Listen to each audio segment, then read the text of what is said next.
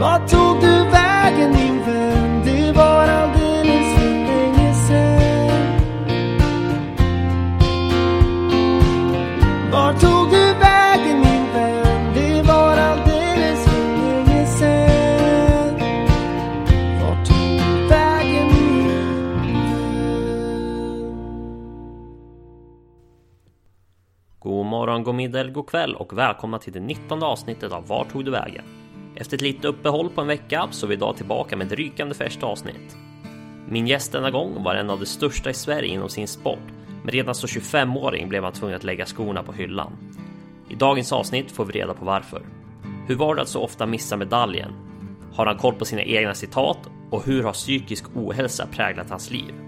Har ni inte listat ut än så är veckans gästen för detta höjdhopparen Linus Törnblad. Och det avsnittet, ja, det kickar igång precis just nu. Linus Törnblad, friidrott. Ja, nu tar han också över den här höjden. Brons i junior-EM. Nytt personligt rekord med 2.30. Så jag siktar på att bli bäst. Jag siktar inte på att bli tvåa, komma liksom, det, är liksom, det är bara att vinna som räknas. Ja, då drar vi igång det 19 avsnittet eh, och vi har idag med oss en riktig höjdargäst. Vi säger välkommen till den före detta höjdhopparen Linus Törnblad. Tack så mycket, tack så mycket. Så Ja. trevligt. Kul! Hur, eh, hur mår du idag? Eh, jo, men jag mår ganska bra. jag har mått bättre, jag har mått sämre, så att eh, då får man ändå vara ganska nöjd tycker jag. Ja, är det 75 procent kanske, något sånt där? Ja, men det, ja, det är nog upp på 80 kanske. Ja.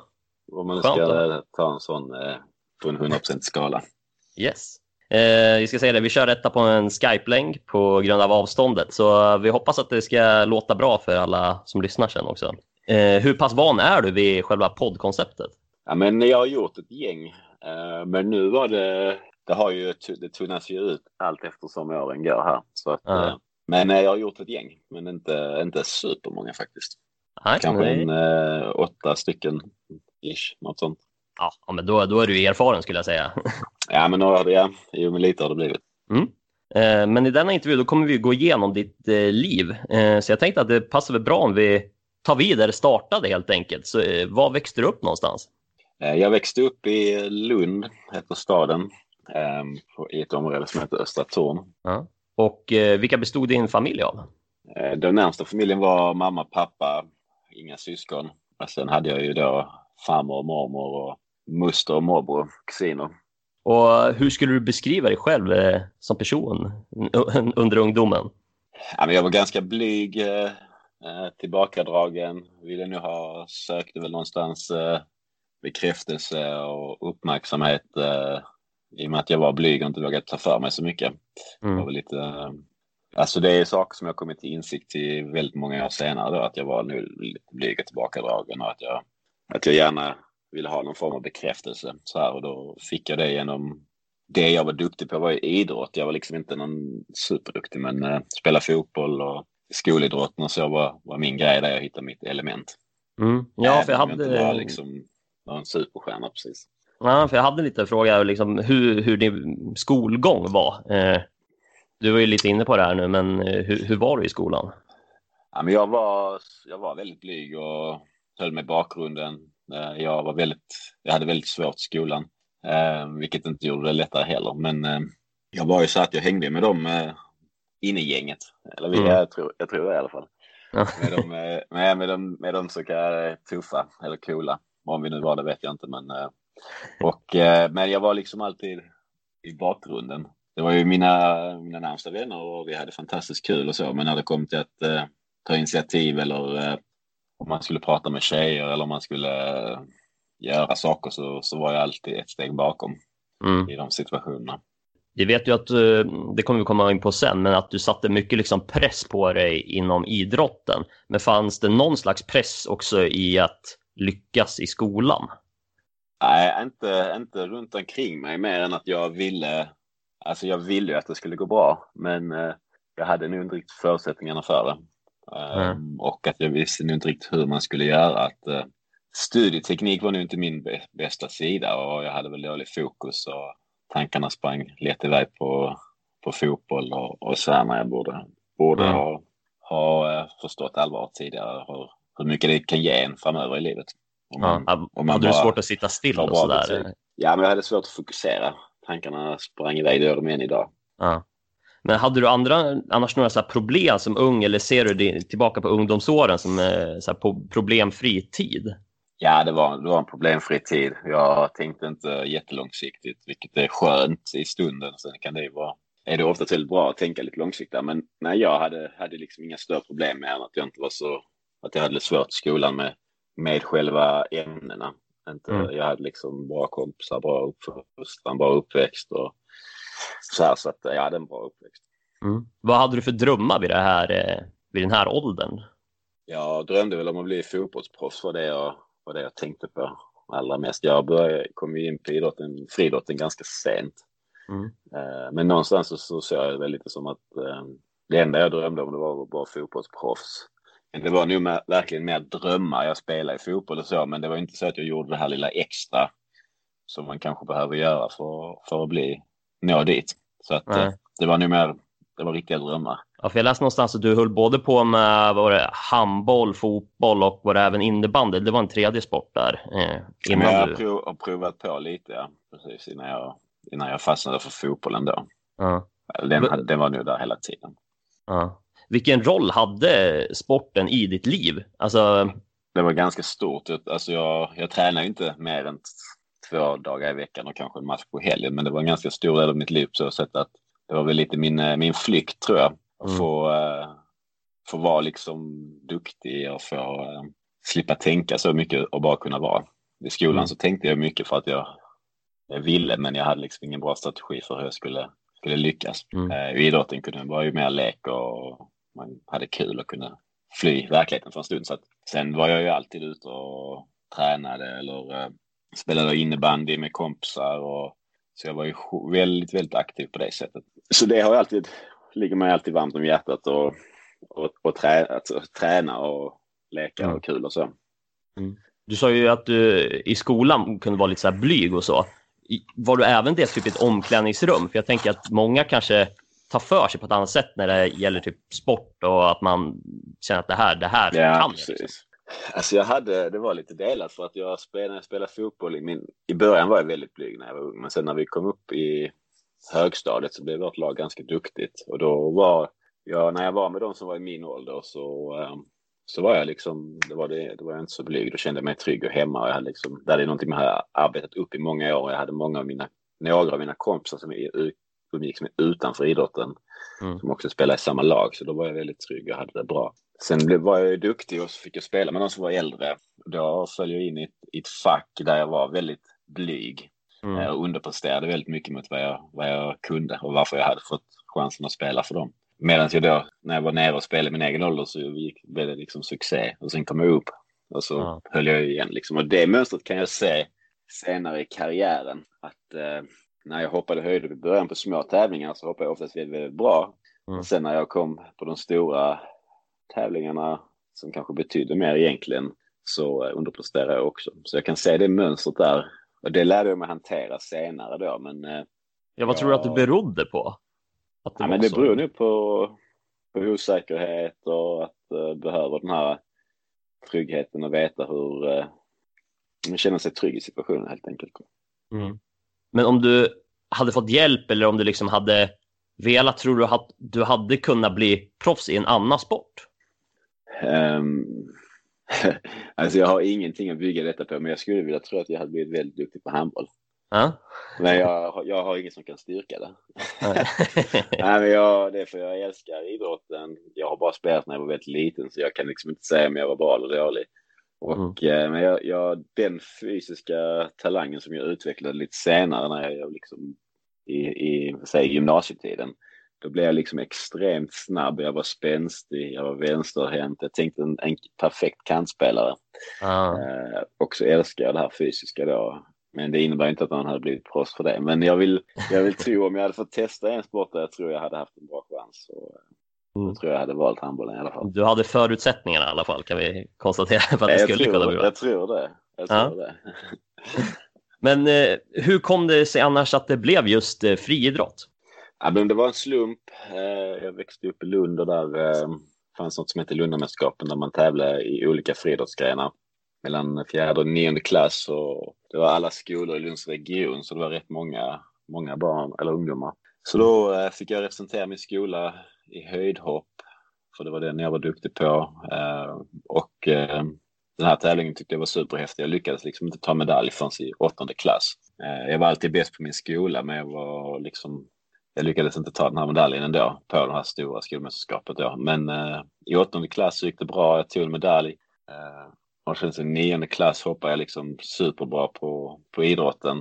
Eh, mm. Och eh, de fick eh, mina föräldrar att tvinga mig ner och träna och eh, ganska snabbt efter att jag då hade gett en liten chans då i några veckor så, så blev jag bäst i Sverige i min ålder. Sen, mm. sen Vad låg du på för höjder under det här året? Alltså jag hoppade, jag hoppade 1,70 i sjuan, 1,80 i åttan och sen i nian då så uh, hoppade jag två meter men då började jag ju träna i ja. mitten på nionde klass. Så uh, då drog, blev jag liksom en bra bit bättre mm. än tvåan i Sverige då. Så att det drog, gick ganska fort och sen därifrån blev det ju raketfart. Mm. Du sa att eh, dina föräldrar tvingade iväg dig till att hoppa. Ja, men lite så var det väl att jag var inte så intresserad av det. Jag ville ju spela fotboll. Det var det enda jag tänkte på. Jag tyckte inte friidrott var alls kul och lockande mm. rent träningsmässigt och det var också någonting nytt och jag kände komma in i, senare i en ålder i en idrott kan ju också vara lite svårt framförallt om man då är lite blyg och tillbakadragen för att när du är så pass gammal så alltså 14 15 så börja om och ställa dig och vara med och göra övningar som du inte kan inför massa människor. Det är inte det enklaste. Men jag sen då i nionde klass började jag för att jag var väldigt, väldigt bra. Det spelade ingen roll att jag inte kunde göra de här grejerna för att jag hoppade högre än de andra ändå. Mm. Men hur har annars ditt eh, självförtroende varit inom sporten och även utanför? Um, ja, men det, jag tror att det har varit rätt svajigt fram tills jag då hittade höjdhoppet och fick, eh, sen byggde jag min identitet kring det. Jag fick, en, fick ett självförtroende och med vad tiden gick så byggde jag väl också upp min självkänsla kring det. Någonting som man tänker att det är ju väldigt, man bygger upp det kring en sån sak så kan det vara väldigt falskt och väldigt, eh, vad ska man säga, väldigt eh, skört. Men mm. jag gjorde under så många år ändå, även om jag slutade väldigt, väldigt tidigt så någonstans så tror jag det han sätta sig och gav mig ändå det här självförtroendet och till mm. viss del en bra självkänsla också. Uh, för det märkte jag sen när jag förlorade allting så var det ju en identitetskris givetvis men, uh, men jag hade fortfarande liksom den här självförtroendet kvar och till viss del en hel del av självkänslan också. Yes. Men eh, som 18-åring, då hoppade du redan då över 2,30. Eh, ja, att du hamnade i topp 10 i världen genom alla tider med, med, den, med de siffrorna. Eh, ja, och, precis. Bland alla juniorer. Uh, och samma år, då åkte du på ditt första OS. Hur, yeah. hur var det? Ja, år, året efter när jag var 19 där.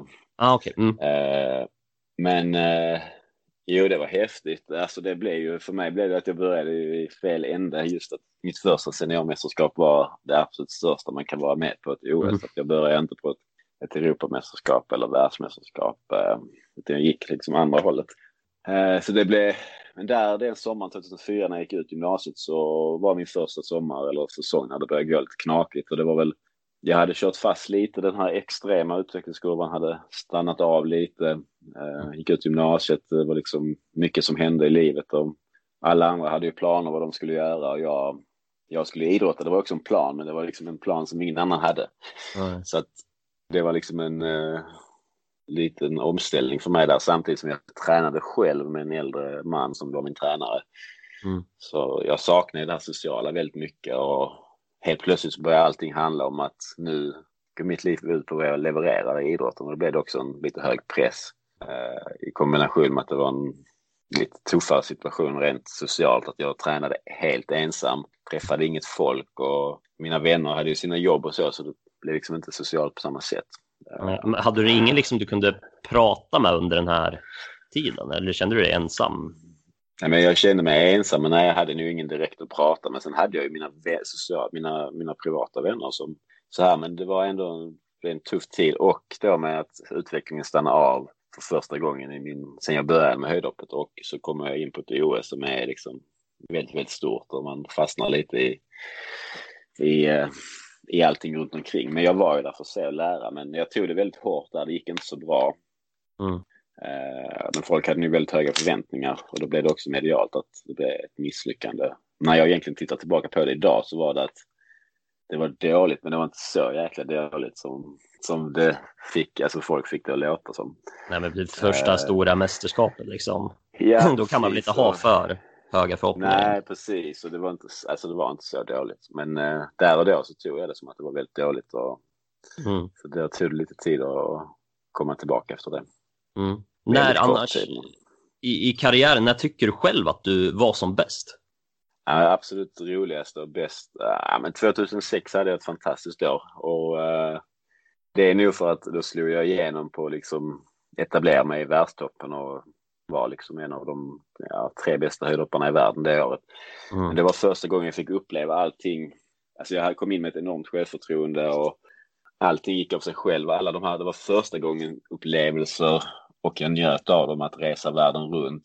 Eh, Jag tog medalj på ett inomhus-VM, jag hoppade högt och jag var på höjdhoppsskalor runt om i världen. Och livet var liksom så fantastiskt enkelt på något sätt och jag hoppade för att det var kul, ingen press.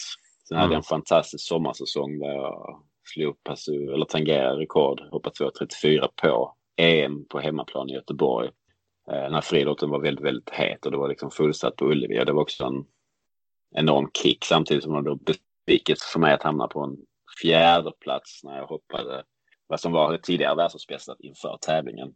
Mm. Och samma resultat som både tvåan och trean. Men Ja. sen var jag liksom, åkte jag till Asien och tävla och fick vara med om så här he, skithäftiga grejer för gången och det var alltså det roligaste året. Mm. Eh, Sen kanske jag rent tekniskt har haft bättre säsonger men det var det absolut roligaste och bästa året på så sätt. Att jag Mycket gjorde det det- för det var kul. Ja, men mycket liksom upplevelserna runt omkring också, inte bara... Ja, precis. Mm. Precis, då var det nytt och jag tog det liksom inte för givet och sen allt eftersom så började man ta saker för givet. Och, eh, nej, det var, det var, eh, ja, nej, blicka tillbaka så var det det absolut häftigaste året, definitivt. Mm. Sen har man Du- haft roligt som ungdom och junior när man har varit på så här juniormästerskap och då är man ju med folk i sin egen ålder och tjoar och tjimmar och har, har skitkul. Men Ja. det häftigaste var nu definitivt det året. Men eh, får man någon slags sammanhållning med de andra höjdhopparna på tävling eller är det mycket det här eh, individuella också? Jo, men höjdhopparna var ändå ganska bra tycker jag. Eh, det blev ändå hyfsat sammanhållning. Det var kanske inte som de gamla historierna eller skrönorna man hör från Patrik Sjöbergs era när de reste runt så mycket som de gjorde. Men vi hade ändå, det var ändå ganska bra. Mm. Det var det. Du nämnde här en tävling att du, när du slutade fyra. Det har ju varit ganska många gånger du har varit precis utanför medaljerna. Ja, precis. Hur har eh, det påverkat dig? Ja, men det, det är tråkigt och givetvis så det har varit lite för mig. Antingen har det gått väldigt, väldigt bra eh, på mästerskap eller så går det väldigt, väldigt dåligt. Det har varit lite antingen eller. Ehm, men de här fjärdeplatserna var, det har varit lite snöpliga för den ena gången då just på Europamästerskapet i Göteborg 2006 så, eh, så gjorde jag liksom en så sjukt bra tävling men det var bara stolpe ut. Eh, och sen var det en annan fjärdeplats på ett EM fyra år senare och då eh, då skadade jag mig i finalen och jag var, jag var helt säker på att jag skulle vinna. Alltså jag, jag hade vunnit om jag hade fått fullfölja. Ja. Eh, då hamnade jag också på samma resultat som tvåan och trean när jag fick bryta då. Men Mm. jag hade rivningar på grund av skadan där så att eh, Nej men det är tråkigt. Det är, man räknar ju medaljer. Man, fjärdeplats, man kommer inte med i CVt sen så att det, Nej. det, är su- det, är, det är rätt sugigt faktiskt. Men är det någonting som du liksom kan gräma fortfarande eller kan du ändå vända och, och se på det som... Alltså Nej, men det är med tiden som går så vänder man på det. Men eh, framför allt det där när jag skadade mig. För då, då var jag helt säker på att och jag hade tagit min första titel Mm. om jag hade kunnat fullfölja. Och det är tråkigt med känslan för man vet ju folk som säger så. Annars som man själv tänker, ja men det är mycket om man hade. Om man Mm. hade det och det och då så har jag, har jag, sitter jag ju själv och är sån. Så att eh, det, det har jag ju fått släppa allt eftersom. Mm. Eh, en grej som du annars får prata ofta om det är ju Stefan Holm och hur det alltid varit att vara liksom nummer två. Men jag Ja. tänkte att vi skulle vända lite på den frågan. Och Ja. Hur tror du att det var för Stefan Holm att alltid bli jagad av dig? Jo, men det var nog eh, lite stressande, men jag tror att han tyckte det var väldigt kul också, för han var väldigt, eh, om, han var väldigt omtänksam och eftertänksam om mig och, och på något sätt så stötte han mig och jag minns att han hjälpte mig att fixa min första så här klädskosponsring när jag var 17 år. Uh, han hade ju ingen anledning att hjälpa mig och då, då kände vi inte varandra på det sättet. Då kom han fram till mig efter en tävling, vet jag, slutet, jag var 2002 när jag var 17, precis, P17. Mm. Så hade jag hoppat, jag slutade den sommaren med att hoppa högst i världen min ålder, men då kom han fram till mig och frågade om jag hade någon eh, sponsor och så, så sa jag nej, jag har inget. Eh, och så hoppade jag samma skomärke som honom för att de, eh, Asics då gjorde de bästa skorna.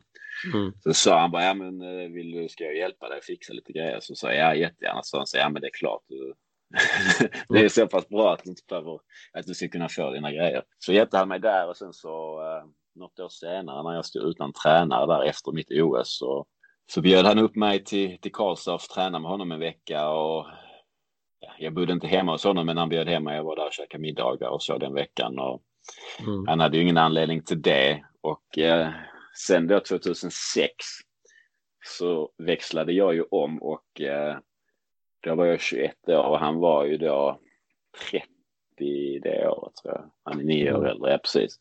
Och då så slog jag ju honom flera gånger om han slog mig. Jag vann mm. så här mm. inbördes med 10-6 eller något sånt tror jag då, det året. Så att då var det säkert lite jobbigare. Men, mm. eh, nej, men vi har alltid haft en bra relation så att han har alltid sedan jag var yngre då varit väldigt så här, mån om, eh, om mig, vilket han egentligen inte hade behövt vara. Mm. Så att eh, det, jag har alltid haft och eh, hade en väldigt bra relation även under de åren där när vi var riktiga toppkonkurrenter och hoppade de här magiska tävlingarna mot varandra. Mm. Känner du att ni ändå pushade varandra liksom på, upp på högre nivåer under den här tiden? Ja, ja men absolut, det gjorde vi. vi, eh, vi det finns ett par tillfällen när man inte hade hoppat så högt som, som vi gjorde då var för sig om vi inte hade haft varandra för att man kanske hade inte haft det där lilla extra. Så att vi, mm. och det var ju mycket prestige om att vara bäst i Sverige och när vi fightade som absolut tuffast då så, så innebar det också att den som var bäst i Sverige var ju kanske en av de, eller den bästa i Europa eller världen. Ja, precis. Som ett år så hoppade vi ju då de här magiska 2.38, båda två på ett inomhus-SM mm. på en söndag. Och eh, på helgen efter då så var det ett inomhus-Europamästerskap i, eh, i Birmingham i England och då så så blev vi ju etta, tvåa där och så blev vi etta, tvåa på SM och sen så åkte vi dit och var lika dominanta där. Och så kommer Törnblad. Tvåa på SM. Det har bara hänt en gång i historien att man har blivit tvåa på svenska mästerskapen på 2.38. Linus Törnblad, numera tävlande för Malmö AI, kommer från Lund Ja, så leder han. Så leder han höjdfinalen. Linus Törnblad. Så att det var liksom sak samma. Fast Just det här tillfället med 2.38, det var inte det också första gången som någon inte vann när den kom upp på den höjden, alltså tvåan? Jo, precis. Innan, på den tiden så fanns det bara ett resultat som var högre när man inte hade vunnit en tävling någonsin. Mm. Eh, och det var ju för Patrik Sjöberg på ett inomhus-VM. Ja, fan, jag kommer inte ihåg. Slutet på 80-talet hoppade han 2.39. Eh, så att det var, då, då var detta då det näst högsta man någonsin hade kommit tvåa på i, i någon tävling. Mm. Eh, men apropå det här med Stefan Holm. Jag skulle nu vilja göra ett litet test på dig. Ja. Det är så att jag har fem citat. Eh, ja. Och ska, eh, du ska försöka lista ut om det är du eller Stefan Holm som har sagt det här citatet. Ja. ja. Eh, tror du att du kommer lyckas bra med det här? Ja, jag vill, ja, men det känns väldigt roligt måste jag säga.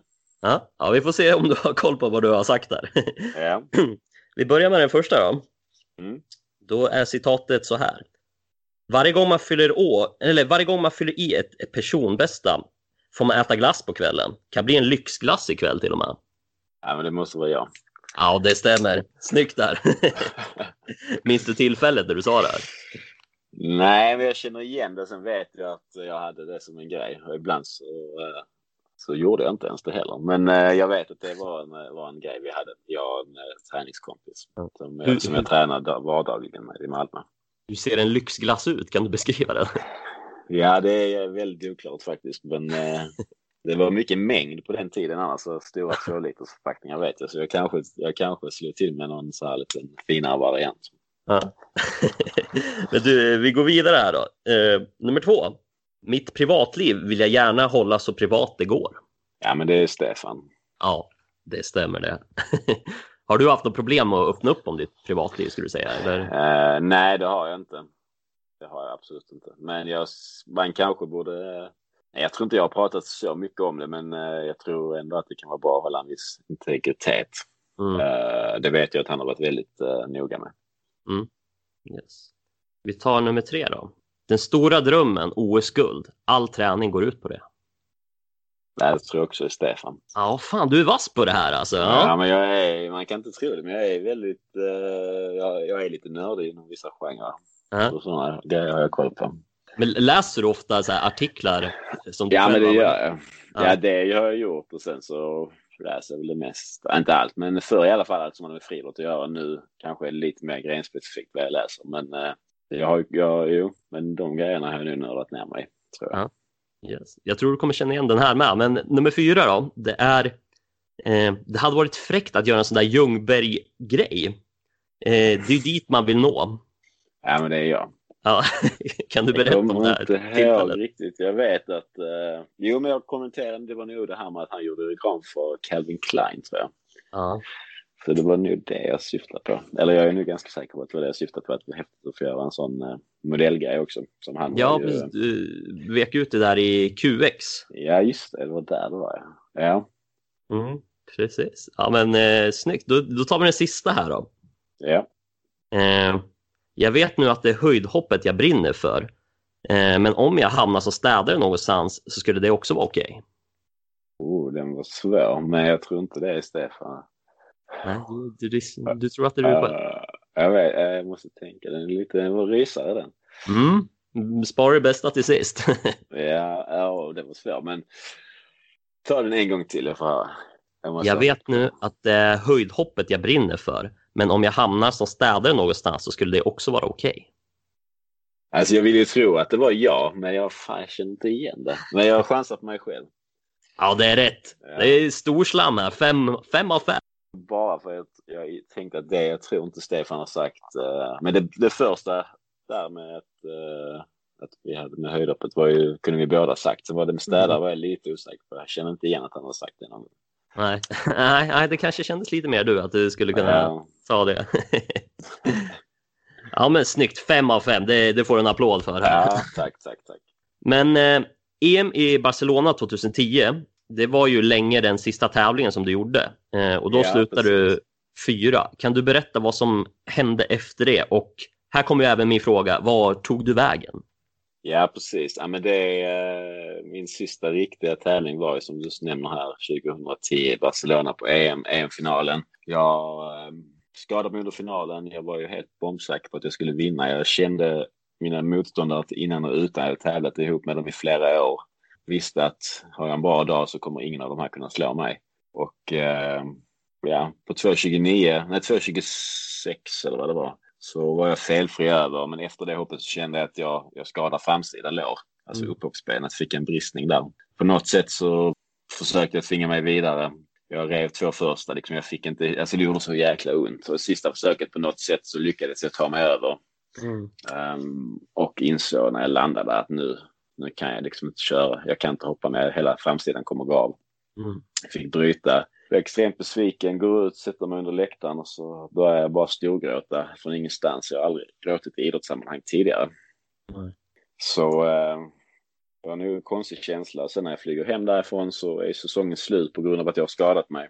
Och sen utan att jag vet egentligen vad som händer så, så hamnar jag liksom i en djup utmattningsdepression. Som ju, vilket jag inte inser att det är utan jag tror att det är någon, någon, någon fysiskt fel. Att jag har någon sjukdom eller virus eller, eller jag sjukdom är vi- men virus, bakterie eller någonting som var fel. Och kan inte träna helt enkelt och ligger bara och sover den mesta tiden och är väldigt låg och grå. Jag kan liksom bryta ihop och gråta från ingenstans och Mm. orkar inte göra någonting. Och sakta blir det bara värre och värre. Och allt eftersom att jag släpper med så blir det ännu värre. Eh, sen blir det totalt svart och sen är jag liksom i en tung utmattningsdepression. Vilket kanske ändå tar mig ett halvår innan jag fattar att det är. Mm. Eh, Under den tiden så söker jag liksom svar överallt liksom. Hittar ingenting, jag gör massa tester och googlar runt på nätet men det finns liksom ingenting som matchar de här grejerna som ger något resultat. Eh, så därifrån så börjar jag liksom en helt annan resa. Och, eh, Jag håller väl på i drygt ett år med mitt kämpande. Och sen så kommer jag lite tillbaka till idrotten och eh, kraschar igen på något sätt. Jag tränar tre dagar i veckan, tre gånger en timme bara. Mm. Och sen kraschar jag igen sommaren efter och då inser jag att shit, jag, jag kommer liksom aldrig kunna komma tillbaka som människa om jag fortsätter gå samma håll. Så då ändrar jag riktning i livet och inser att jag, kom, men jag har inga verktyg och på den tiden, det här var inte superlänge sedan, men det är en tio år sedan, då fanns det liksom inte några redskap för att hantera psykisk ohälsa på det sättet, i alla fall inte som idrottare. Så Mm. det fanns inget alternativ för mig, för jag insåg, går jag den andra vägen, alltså går jag tillbaka till idrotten igen, alltså då, jag vet inte om jag kommer klara av det som människa. Mm. Alltså att eh, jag kommer bara bli ännu sämre och det kommer jag inte klara av. Då kommer jag inte kunna ta hand om mig själv. Eh, så då inser jag att det går liksom inte. Jag måste gå den andra vägen för att komma bort från all press och stress. V- vad var eh, psykisk ohälsa för dig innan du drabbades av det? Ja, men jag tror jag köpte inte riktigt det. Jag trodde inte riktigt på det. Jag hade ingen, in, jag hade ingen respekt för det alls. Jag, jag var ju helt säker på att jag var odödlig. Alltså jag var 25 år, levde min dröm. Eh, tränade oavsett trötthet, smärta, vad som helst. Jag tränade alltid. Mm. Eh, för jag trodde att jag var odödlig, men det visade sig att jag inte var det. Och då eh, hamnade jag i någonting som jag inte visste vad det var. Eh, vilket med allt från depression och utmattningen som var mitt grundproblem och panikångestattacker och så vidare. Eh, Mm. Någonting som jag hade hört talas om men jag hade ingen respekt för det förrän jag själv hamnade i det. Fanns det någon liksom i din eh, närhet eller någon som hade haft det som du ändå liksom, ja, det fanns, eh, fanns folk i min omgivning eller så, som absolut var drabbade men jag, ändå så fattar jag liksom inte allvaret i det. om? Och Mm. det insåg jag också när jag själv hamnade i det så tänkte jag oj måste det krävs det så här mycket för att jag ska förstå det. Då förstår jag att liksom man generellt inte förstår hur allvarligt och hur tufft det kan vara. Nej. Sen den resan därifrån var ju väldigt, väldigt lång. Det tog mig nästan sju år innan jag kom upp på en dräglig nivå och jag började jobba så här som timanställd tio timmar i veckan på ett ungdomshem och så nästa vecka eller nästa månad 15 timmar och så jobbade jag mig uppåt med enorma oräkneliga bakslag på resans gång. Men sen Mm. kom jag upp till ungefär på de här sju åren till en 75 procentig nivå. Eh, Och på resans gång, på egna misstag, så hade jag väl eh, skaffat mig de här verktygen som jag hade behövt. Under den här resan så var jag med om väldigt många grejer, också bra och dåliga saker och jag skapade mig min egen, min egen väg framåt genom att testa mig, vilket hade varit skönt om man hade slutat eller inte behövt pro- prova de här sakerna.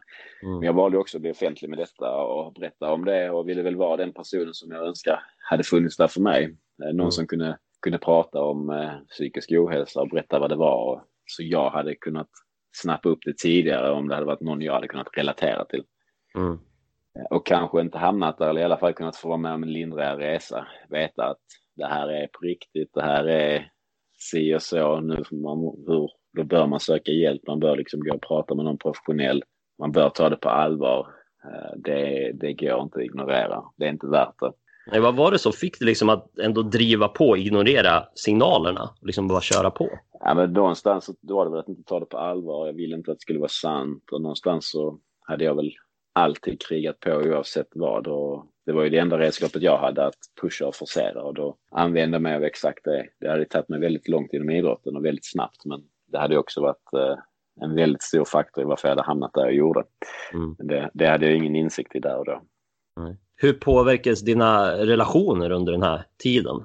Ja, men det blev ju i och med att jag inte orkade umgås, jag orkade inte socialisera mig och jag hade en eh, sambo på den tiden och det, det, det blev liksom inte jättebra. Eh, men Mm. mina vänner och min familj och så kunde jag ändå hålla på distans och då blev det liksom ändå att de fanns ändå där också.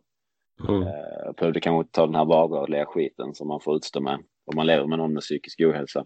Eh, Så att, eh, men de bästa vännerna fanns ju kvar och familjen var där så att eh, då hade jag väl tur att jag hade människor som ändå brydde sig om mig för att den Mm. jag var en, som person och inte den jag var tack vare kanske min idrott eller så. Men hur, hur kunde det stödet se ut? Var det att man liksom kom de hem till dig eller var det att, man, att de pratade med Men någonstans att man visar att man finns där men att man inte pushar på för ofta så, så orkar man inte umgås, man orkar inte prata telefon, man orkar inte svara. Och då så att man kan eh, visa att man finns där på ett sätt som inte är pressande men ändå oavsett om jag inte svarar tio, tio samtal så kanske man ändå ringer ett elfte om en Mm. vecka, att man inte ger upp på något sätt. Nej. Att man visar någon form av ömsesidig förståelse. Mm. Får man på något sätt eh, under den här tiden ändå reda på typ vilka som är ens riktiga, förstår vad. Ja, men det tror jag. Det tror jag verkligen. Mm. Knyt, knyts banden ännu starkare? Gjorde de det, skulle du säga? Ja, alltså det är både ja och nej, men eh, man kan väl säga att på sikt så, eh, så kanske det visar att man kommer ha en väldigt bra och lång vänskap för att under den perioden så kanske man inte har jättemycket kontakt eller träffas jättemycket för man Mm. orkar ju inte. Eh, men att man då klarar man av att hålla en relation även om man inte har någon större kontakt på ett halvår, ett år, två år, tre år. Men sen ändå kan fortsätta umgås så, så känns det som att man har ett rätt starkt band och då visar det ju på att det antagligen kommer att hålla väldigt lång tid. När Mm. det är under normala förutsättningar också. Mm. Ja, verkligen. Hur anser du annars att synen på o- psykisk ohälsa är inom idrottsvärlden? Har den förändrats också? Jo, men den har förändrats väldigt mycket. Eh, det har ju blivit en helt annan grej och det är väldigt många som, som pratar om det. Väldigt många som delar med sig av sina erfarenheter både som idrottare och icke-idrottare. Så att eh, det har ju skapat helt andra förutsättningar idag än vad det var för bara tio år sedan. Och när jag gick ut och berättade om min psykiska ohälsa och vad det innebar och antidepressiva och allt möjligt så, så var det ju ingen idrottare som hade pratat om det tidigare Nej. på det sättet. Och då blev jag väl en barriärbrytare. Men du och alla andra ska sitta kvar nu och lyssna på en person som kommer hit och som kom hit också för tre år sedan och då väckte han väldigt mycket känslor och fick väldigt många mejl. Och det är Linus Törnblad. Linus Törnblad som var ett av våra största idrottshopp. Han eh, hoppade en halv meter högre än sig själv och var Stefan Holms kronprins kan man säga. Och det stod väldigt många och höga förväntningar på honom. Men en dag så tog det bara stopp. Och frågan är vad det var egentligen som hände och hur det kändes. senare år så är det väldigt många som pratar om det så att det är ju jättepositivt. Va- varför tror du att det är så stort just inom idrott? Men jag tror att det är stort i samhället överlag men just som elitidrottare så kanske du pushar dig dit väldigt mycket snabbare för att du måste liksom ligga på gränsen hela tiden och det är väldigt lätt att stiga över. Då har man då de här dragen och tendenserna att hamna i psykisk ohälsa så, så är det väldigt svårt att inte gå över den gränsen. Mm. Så att jag tror det är att man, man pressar sig extremt hårt 24-7 under en kort tid och då blir det en extrem belastning. Jag hade nog hamnat i en psykisk ohälsa utan idrotten men det hade tagit väldigt mycket längre tid. Ja. När tycker du annars att man ska liksom börja prata om psykisk ohälsa i, i ung ålder och sådär? Jag tänker, om man vill nå någon vart, då känns det ändå som man måste liksom lägga ner krut och verkligen satsa. Men det kan ju också kanske lätt tippa över. Ja, precis. Det, ja, det är svårt men det, jag tror man ska vara medveten om det. Man kanske ska lära sig lite ganska tidigt någonting som jag kallar för mental återhämtning. Att man, lär, man, man lär in väldigt tidigt att det är lika viktigt att man får mental återhämtning som fysisk återhämtning. Att man kanske gör andra saker. Man tvingar sig själv att inte bara tänka på idrotten. Så det blir liksom en press 24-7 utan man kanske kan hitta andra sätt. Och, om det är plugga eller läsa en bok eller umgås med vänner men hitta någonting som bryter av. Så att inte bara allt handlar om en sak. Eh, Mm. Så att man tvingar sig att få den här mentala återhämtningen eller breaket. Mm. För sen när du går in i idrotten igen eller din träning så, så kommer du ge 100% ändå. Mm. Så Men- någonstans lära, lära sig den biten att man behöver återhämta sig mentalt också för att kunna ge fullt. Mm. Vad var det annars för liksom tankar som kunde flyga igenom ditt huvud när det liksom var som sämst? Ja, men det var, alltså det var ju sån extrem hopplöshet och mådde så otroligt dåligt och behöver någonstans inse att kommer det, alltså må så här dåligt varje dag resten av sitt liv, det, det är liksom inte värt det. Alltså det orkar man inte. Så jag börjar någonstans få förståelse för de som, som gav upp för att jag inser, ska det vara så här hela livet så då är det ju inget liv att leva för. Nej. Ehm, vad tror du annars att du hade behövt fått veta när du mådde som sämst? Alltså, vad hade du önskat att någon sa till dig då? Våga, våga låta det ta tid. Stressa inte och komma tillbaka. Mm. Det kommer att bli bättre. Men det är väldigt svårt att inte stressa tillbaka Mm. när, man, när man förlorar allt man har byggt upp eller allt man har. Då är det väldigt svårt att inte börja stressa. Kan, kan du ta oss igenom lite av din resa ur depressionen? Vad, vad var liksom som gjorde att du ändå kunde leva hyfsat normalt igen? Det, alltså det är bara tid. Våga återhämta sig. Men just att liksom för mig var det att begränsa mig. Att jag kunde inte träna längre. Jag kunde kanske motionera en till två dagar i veckan om det var en bra vecka. Kunde inte jobba 100 procent. Fick jobba liksom 50 procent under flera års tid. Och så fort jag gick upp på 60-70 procent fick jag bakslag. Då kunde jag bara jobba 30 procent i två veckor. Och så höll jag på så fram och tillbaka. Om man bara vågar ta det lite lugnare så går det lite fortare. Eh, Mm. Och bakslagen var liksom extrem utmattning och när jag har ätit antidepressiva så har kanske de värsta deppighetssvackorna uteblivit eller hållits tillbaka. Men att just att hela tiden behöva vara återhållsam i vad jag gör och att allting tar, allting tar energi. Om jag så träffar några vänner och käkar en middag, någonting som jag tycker är fantastiskt trevligt, så kunde Mm. det ta lika mycket energi som att jag gick och jobbade eller som att jag gick och tränade, någonting som jag inte kunde förstå riktigt, att någonting som är kul ska ju ge energi, det ska inte ta energi. Nej. Och så är det ju i vanliga fall, men när man då har gått över gränsen och bränt sig, spelar ingen roll vad jag gjorde, allting som var mental aktivitet tog energi. Mm. Eh, Och det var väldigt svårt och, och det är väl svårt än idag att lära mig acceptera. Hela tiden behöver planera in så jag inte gör för mycket. Så fort jag inte planerar in det så släpper jag, eh, släpper jag lite tyglarna av mig själv och då gör jag gärna mer än vad jag borde. Då får jag liksom än idag bakslag och kan bli väldigt matt och trött. Mm. Så det kommer ju vara en eh, fight och en resa resten av livet. Ja, du, du tror liksom att det, att det inte går att bli 100 procent? Ja, jag tror det går nog tyvärr inte för mig.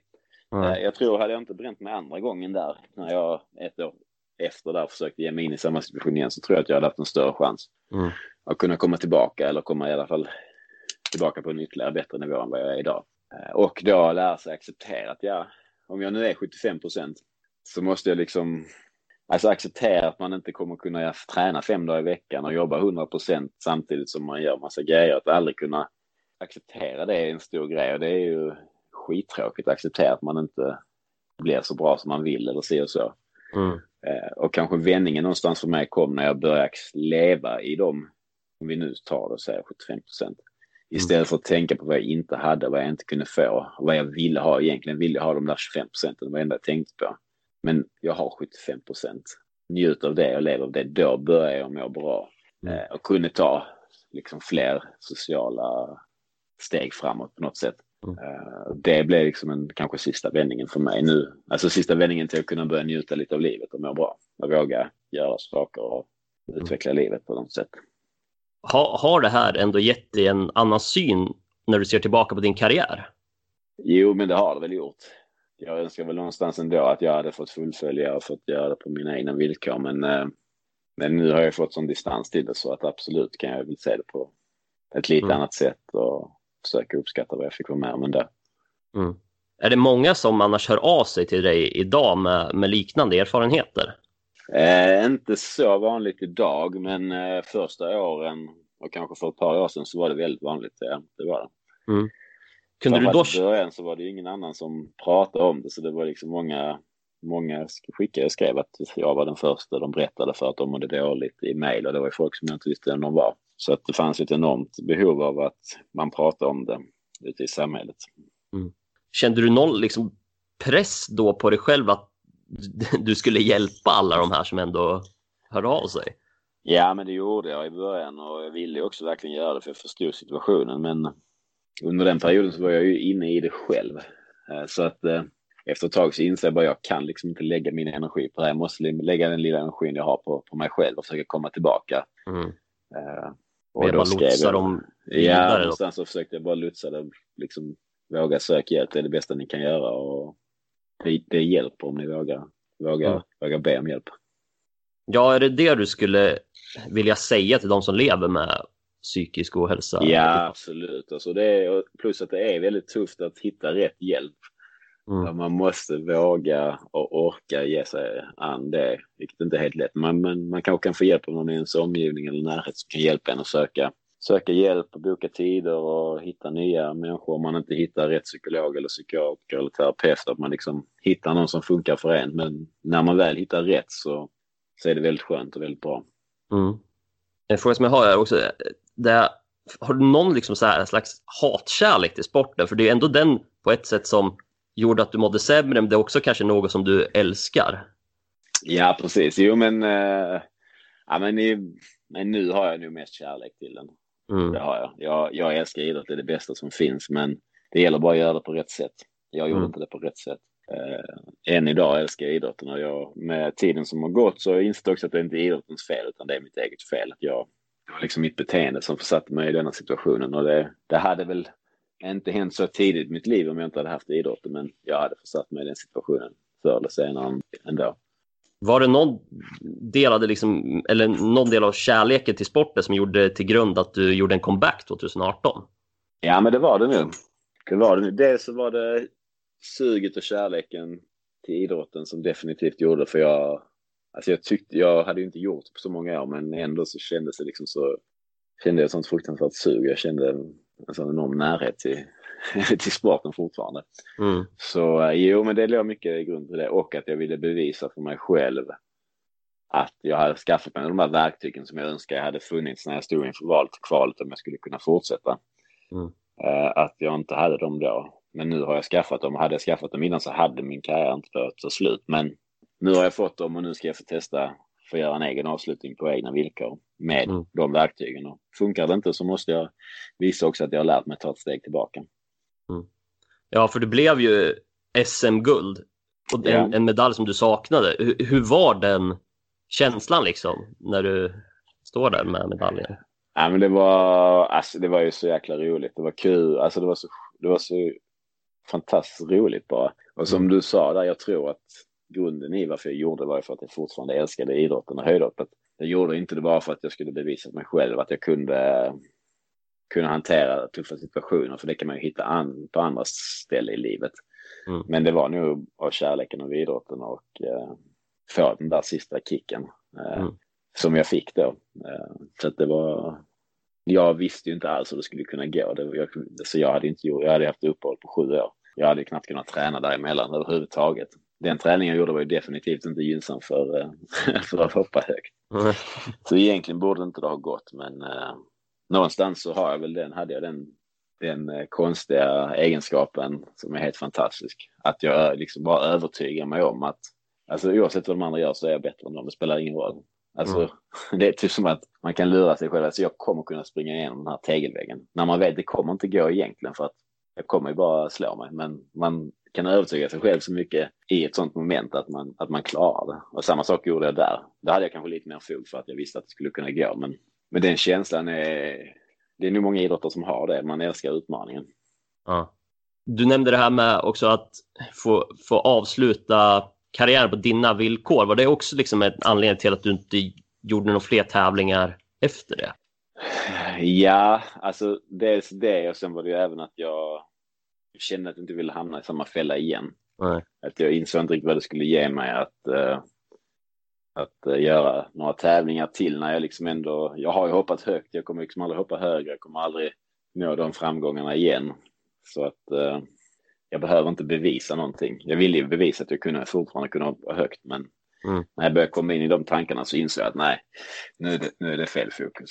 Så fick jag hoppa av. Men i suget var ju där och det fanns ju ett bra tag efter också att, att fortsätta. Mm, ja, jag förstår. Eh, hur ser annars din karriär ut idag? Eh, det är med, jag har föreläst väldigt mycket kring det här ämnet, just eh, en del av det vi har pratat om idag. Eh, så det har jag haft mycket som en, som en grej som har gjort mig fly, hållit mig flytande under många års tid. Och så har jag jobbat en del som med ungdomsvård och så här i Lund och nu är jag väl lite i ett vägskäl här och är ganska intresserad av att börja plugga någonting och skaffa mig en utbildning och ta, påbörja nästa del i mitt liv. Mm. Så vi ser lite var det hamnar, vilken genre det blir. Mm. Skulle du kunna liksom byta helt riktning mot det du håller på eller? Ja, men det tror jag. Mm. Jag känner att det, det börjar bli dags. Ja. Finns det någon, eh, några tankar du kan dela med dig om vad, vad det skulle kunna gå in på för något? Eh, ja, men jag är lite intresserad av vad, jag är lite sugen på att eh, plugga till brandman och eh, sen är det väl lite kanske fortsätta med, jobba med, med människor på något sätt som jag har gjort nu i rätt många år. Som också känns ganska, ganska, som det passar mig väldigt bra. Mm. Yes. Brandman alltså, det kändes lite oväntat ändå. ja, ja, vi får se. Vi får, eh, men någonting blir det nu, hoppas jag verkligen. Ja, spännande. Du, eh, på vilket sätt önskar du annars att dina föreläsningar ska kunna hjälpa andra? Ja, men det framför allt att uppmärksamma just att om man mår dåligt så våga söka hjälp. Man, om man tror att man mår dåligt så är det inget, det är liksom, det skadar inte att våga gå och prata med någon och se om man behöver hjälp. Mm. Eh, och framför allt just det här med kunskapen om att det kan vara bra att lära sig den här sista grundstenen med mental återhämtning. Mm. Att det är, är grymt viktigt att hitta sina redskap för hur man mentalt återhämtar sig. Och det är väldigt individuellt. För någon är det kanske att gå iväg och träna beroende på vad man gör i sitt liv. Men någon är det att kolla på en tv-serie, någon är det att gå ut och gå i skogen, så någon är det att laga en lyxmiddag liksom och få engagera sig i det som ett intresse. Lyssna på en podd eh, och så vidare. Liksom att hitta de här redskapen som gör att man någonstans försvinner in och försvinner bort från den vanliga världen en stund så att man kan samla energi utan att man egentligen behöver göra någonting. Mm. Ja, för hur, hur präglar annars ångesten din vardag idag?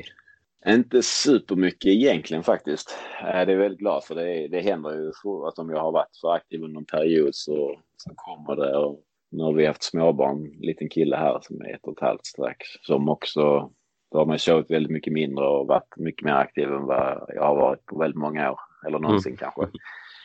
Så då kan man också ibland känna att man blir lite matt och man får lite drag åt det hållet. Men eh, då får man försöka verkligen att tänka till och kanske ta bort andra saker som jag gör mm. i vardagen så att man kan, kan få tid att återhämta sig. Mm. Känner du att du är på en bra plats i livet idag i alla fall? Ja, det gör jag.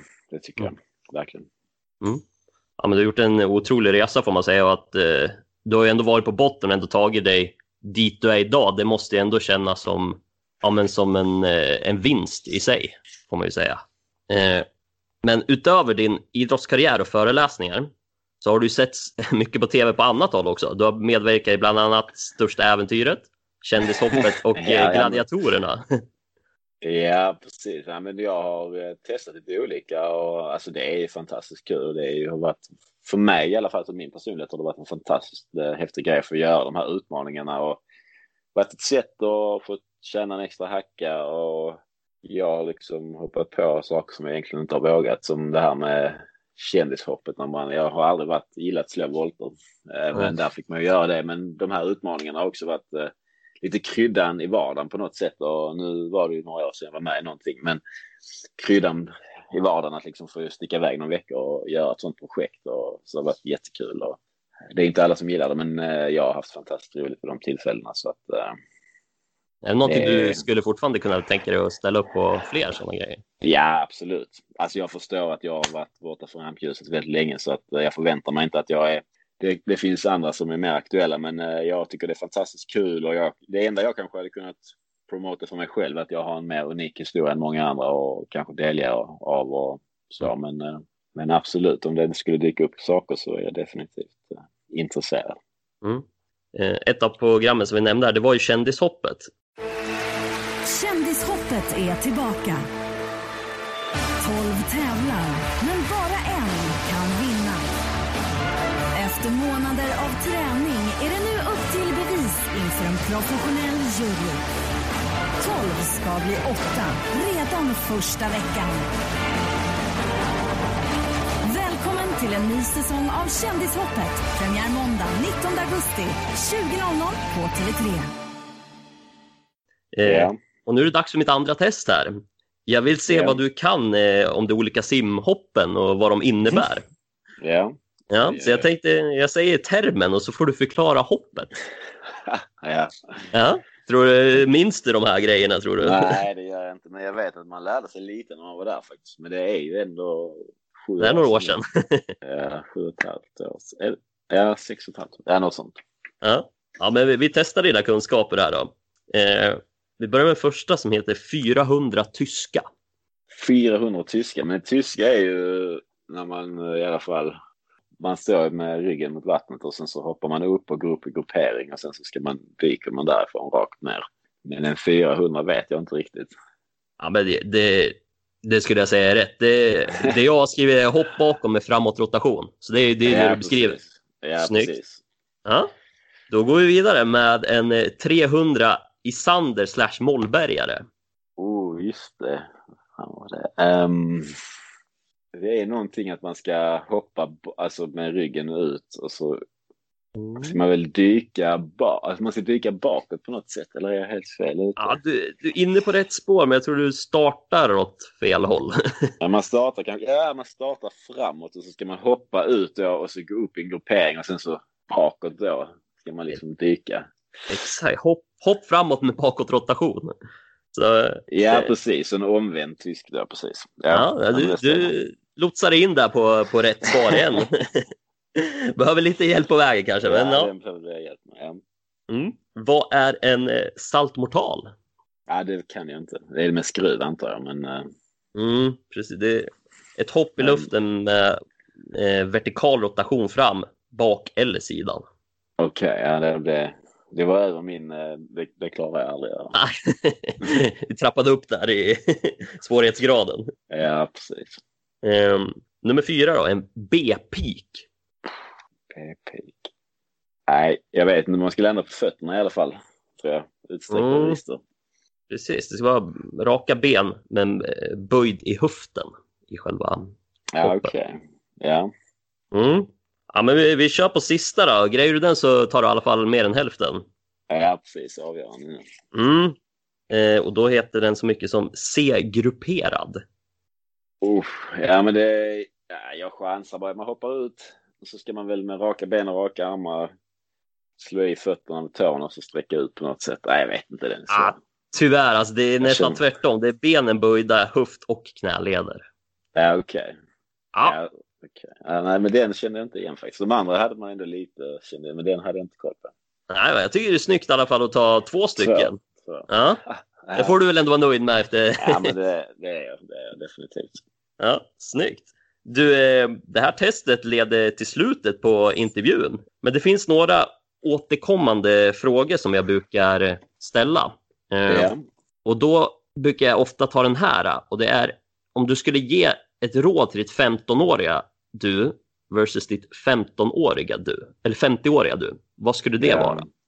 Eh, 15-åriga jag så skulle jag nog säga att alltså två saker hade jag nog sagt. Dels hade jag sagt plugga, läs eh, oavsett så bara fixa en bra betyg. Kommer alltid vara med dig och göra det lättare för dig resten av livet. Så våga plugga. Och eh, andra hade varit att njuta lite mer här och nu. Att inte hela tiden jaga framåt utan stanna upp och njuta där man är också. Mm. Ehm, framåt är ju lite svårare i och med att eh, man inte har varit där. Nej. Ehm, Får bilda upp en, en bild hur du hoppas att det ska eh, vara. ja, precis. Jag hoppas väl att eh, ja, men, ha en fin familj. Hoppas väl att jag kommer ha och eh, alltså att jag fortsatt kommer ha en fin familj och ehm, kommer vara väldigt nöjd med min tillvaro med arbetssituation och livssituation och familjesituation, hoppas jag. Ja, men fint. Det får vi hålla tummarna för att det, det slår in. Det är svårt att, Ja. att göra någonting åt det 15-åriga kanske, men Ja, vi hoppas precis. att det ser bra ut 50. Ja. Då kommer den sista frågan. Är det någon du undrar vart den har tagit vägen? Oh, intressant.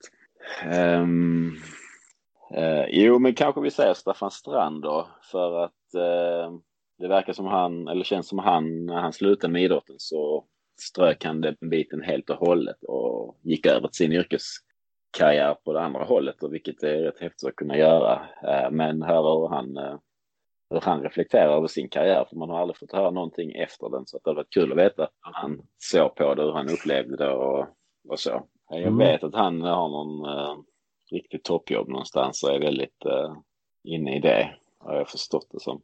Så jag vet att han eh, hade ju dubbla examen i så här, olika grejer. Jag vet han höll på mycket med det när vi tävlade. Mm. Några år där, de var ju typ nio år äldre än mig när jag var ung. Men jag vet att han höll på mycket med sina studier och forskningar där faktiskt. Mm. Yes, Staffan Strand, vi får se om vi kan få till en intervju med honom här i framtiden. Ja. Du, då får jag säga tusen tack för intervjun och att du har delat med dig av ditt eh, liv här, Linus. Ja, tack själv. Tack själv, grymt eh, jobbat. Bra Ja. intervjuat måste jag säga. Tack, tack. Det var väldigt bra svar också måste jag säga. Ja, men Eh. vad härligt. Hoppas du känner dig nöjd. Ja, men det gör jag verkligen. Du, då säger vi tack till er som har lyssnat också och hoppas eh, att ni får en fortsatt fin dag. Hej då! Det var det 19 avsnittet och vi lämnar därmed poddens tonår. Vill ni se före och efterbilder på gästerna eller bara skriva ett litet hej så hittar ni podden på Vart tog du vägen på Instagram. Vi säger också ett stort tack till Linus Törnblad som delade med sig av sin historia. Och är du en av dem som lider av psykisk ohälsa, tveka då inte på att söka hjälp, även om det kan vara svårt. Det finns vägar som kan få dig att må bättre. Det var mina slutord för denna gång. Jag hoppas vi ses och hörs snart igen. Hej då!